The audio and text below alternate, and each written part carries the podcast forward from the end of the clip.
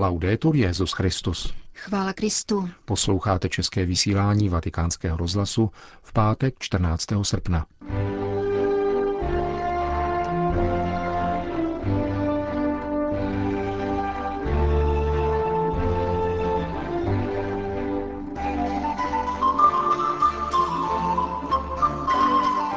Papež František jmenoval apoštolského vikáře Anatolie. Letošní 750. výročí narození Dante Alighieriho si připomeneme glosou básník teologů a teolog básníků, kterou uslyšíte v druhé části našeho pořadu, kterým vás provázejí Milan Glázer a Jana Gruberová.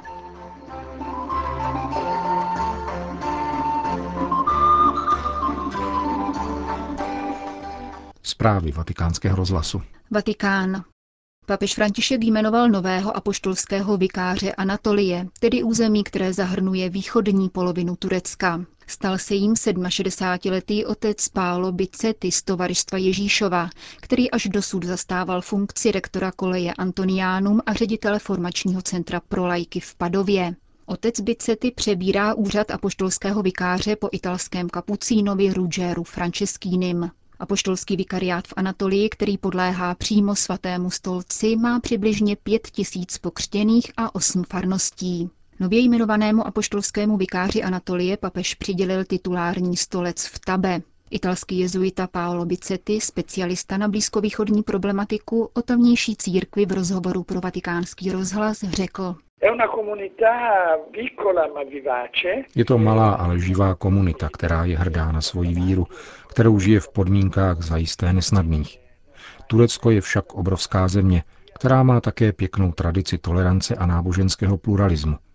Mohli bychom říci, že je zemí, kde se různá náboženská vyznání vždycky setkávala a kde docházelo k plodné výměně mezi západní a východní tradicí, Doufám tedy, že bude možné zde upevňovat mosty a vztahy mezi křesťanskými komunitami rozesetými na různých místech a jít tak ve šlépějích svatého Pavla, který vytvářel svazky mezi křesťanskými komunitami východu i západu. Protože v Turecku, jak známo, převažuje islám, bude ve vašem působení mít významnou roli mezináboženský dialog. Je důležitý více než kdy jindy. A více než kdy jindy musíme zejména v modlitbě prosit jediného Boha, aby nás chránil před rozděleními, neplodnými válkami a fundamentalismem. Jsem přesvědčen, že drtivá většina lidí neschvaluje ani násilí, ani fundamentalismus. Musíme dávat hlas tomu, co tato většina cítí a chce. S jakými pocity přijímáte svoje nové poslání? Půjdu tam v pokoře, Protože nejsem nejmladší, musím se naučit turecky. Vydám se tam těsně před začátkem jubilejního roku milosedenství s prozbou, aby ke mně všichni byli milosední a s nadějí, že jim boží milosedenství také ponesu. Říká nový apoštolský vikář Anatolie, italský jezuita Paolo Bicetti. Konec zpráv.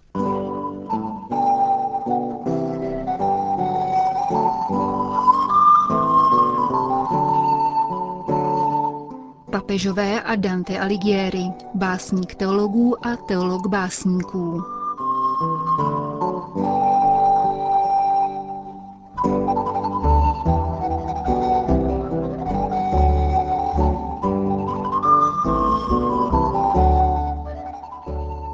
Itálie slaví největšího ze svých básníků, Danta Alighieriho si po 750 letech od jeho narození připomíná rodná Florencie, kde prožil 630 let života, ale také další města Padova, Verona a Ravenna, kde v exilu strávil dalších 20 let. V posledně jmenované Raveně také zemřel v domě svého hostitele Guida da Polenta v noci ze 13. na 14. září roku 1321.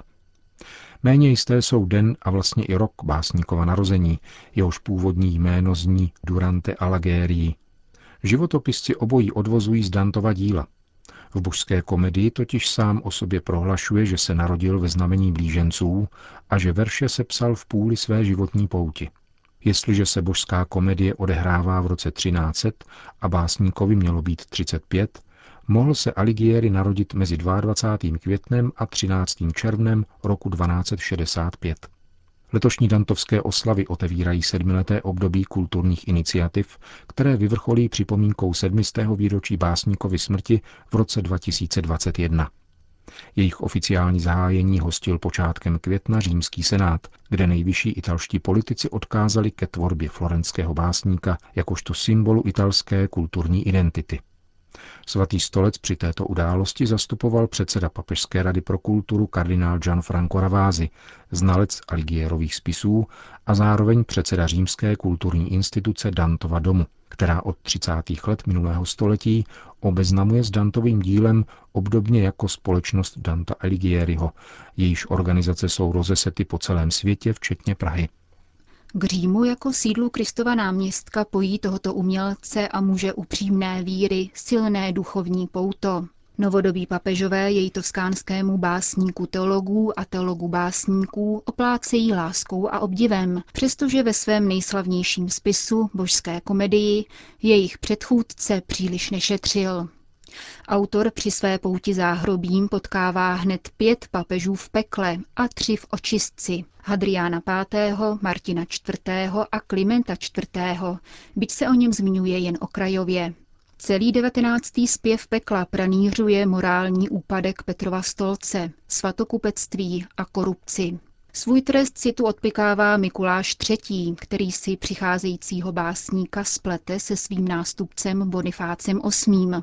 Tohoto papeže, který vyhlásil první svatý rok v církevních dějinách, Dante posílá do pekla ještě za jeho života. Svou kritiku svobodného syna církve však básník vyvažuje vyznáním víry tak pevným, že se k němu vztahovala celá řada dalších Petrových nástupců, naposledy papež František ve své první encyklice Lumen Fidei, když popisuje světlo víry v temnotách. Toť počátek, toť jiskra, jež se nítí, jež ve mně v plamen živý rozžehne se a jako hvězda na nebi se třpití. Je možná málo známou skutečností, že papež Benedikt XV. věnoval dílu Danta Alighieriho celou jednu encykliku. V roce 600. výročí básníkova úmrtí 30.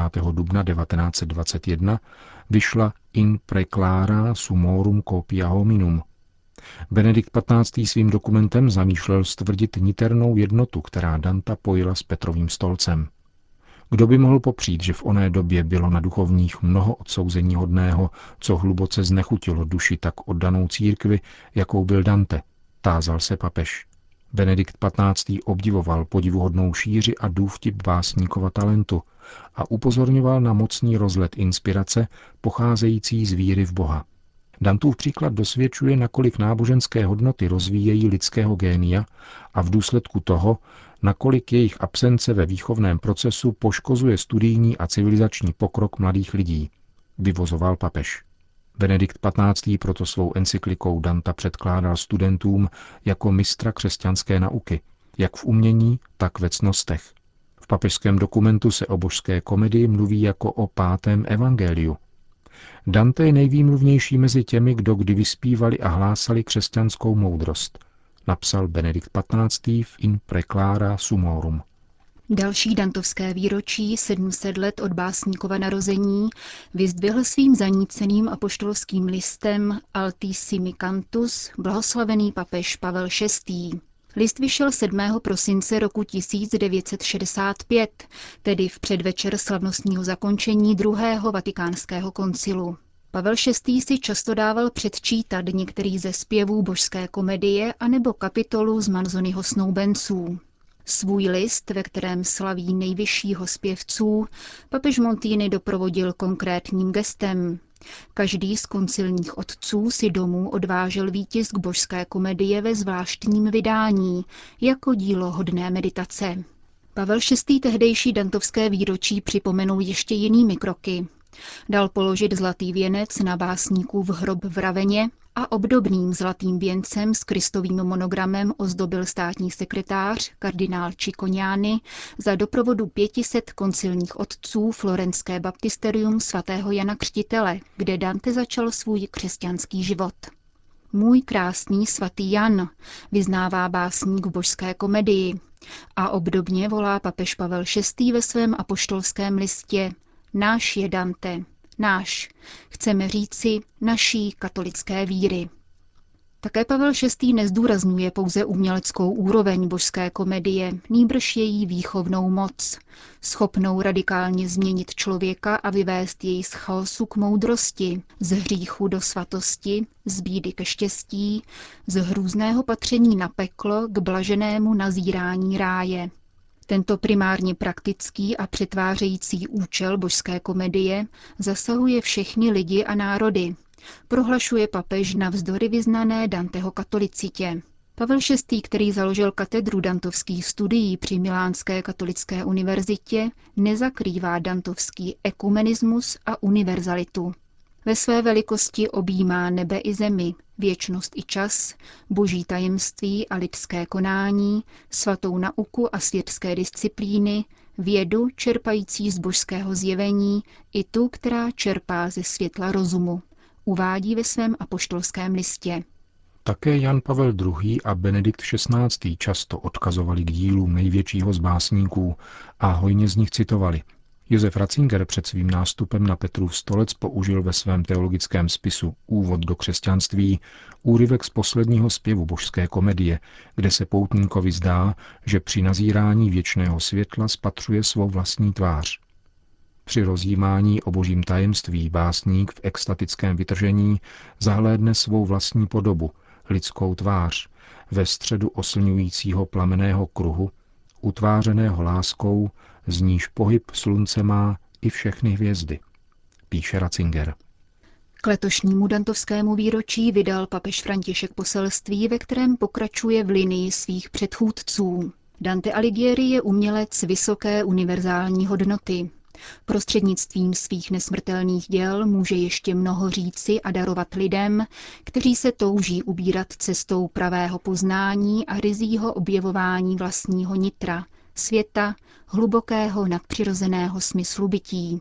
Stojí v papežském poselství, v jehož závěru František vyzývá k novému uchopení a docenění dantovského díla, které nás může doprovázet v našem osobním a společenském rozvoji. Božskou komedii totiž lze číst jako obsáhlé vyprávění o dlouhé cestě, či spíše skutečné pouti, jak vnitřní a osobní, tak komunitní, církevní, sociální a dějiné. Tento epos je vzorcem každé pravé pouti, při které je lidstvo povoláno opustit líchu, jež nás tak divokými činí, abychom dospěli do nového stavu, vyznačujícího se souladem, pokojem a štěstím, upomíná svatý otec František v souvislosti s blížící se jubilejní poutí svatého roku milosrdenství.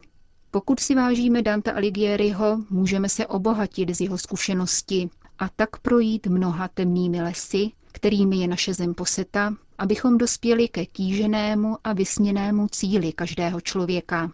Lásce, z níž pohyb slunce má i všechny hvězdy, uzavírá papež František. A tak ve zbývajícím prázdninovém čase berme častěji do rukou božskou komedii, která jistě není oddychovou četbou, ale nezaslouží si, aby na ní v našich knihovnách ulpíval prach. A v předvečer slavnosti na nebe vzetí Pany Marie se rozlučme prvními tercínami ze závěrečného zpěvu tohoto velkolepého eposu. Poutník se na konci své cesty obrací k nebeské královně slovy, která se děti v italských školách učí na spaměť už v sedmé třídě. Panenská matko, dcero syna svého, jež pokory i slávy si nám vzorem, cíl pevný úradku souc odvěkého, tak zušlechtila s lidství padlé vzdorem, že mohl pak i jeho tvůrce směle sám udělat se jeho vlastním tvorem.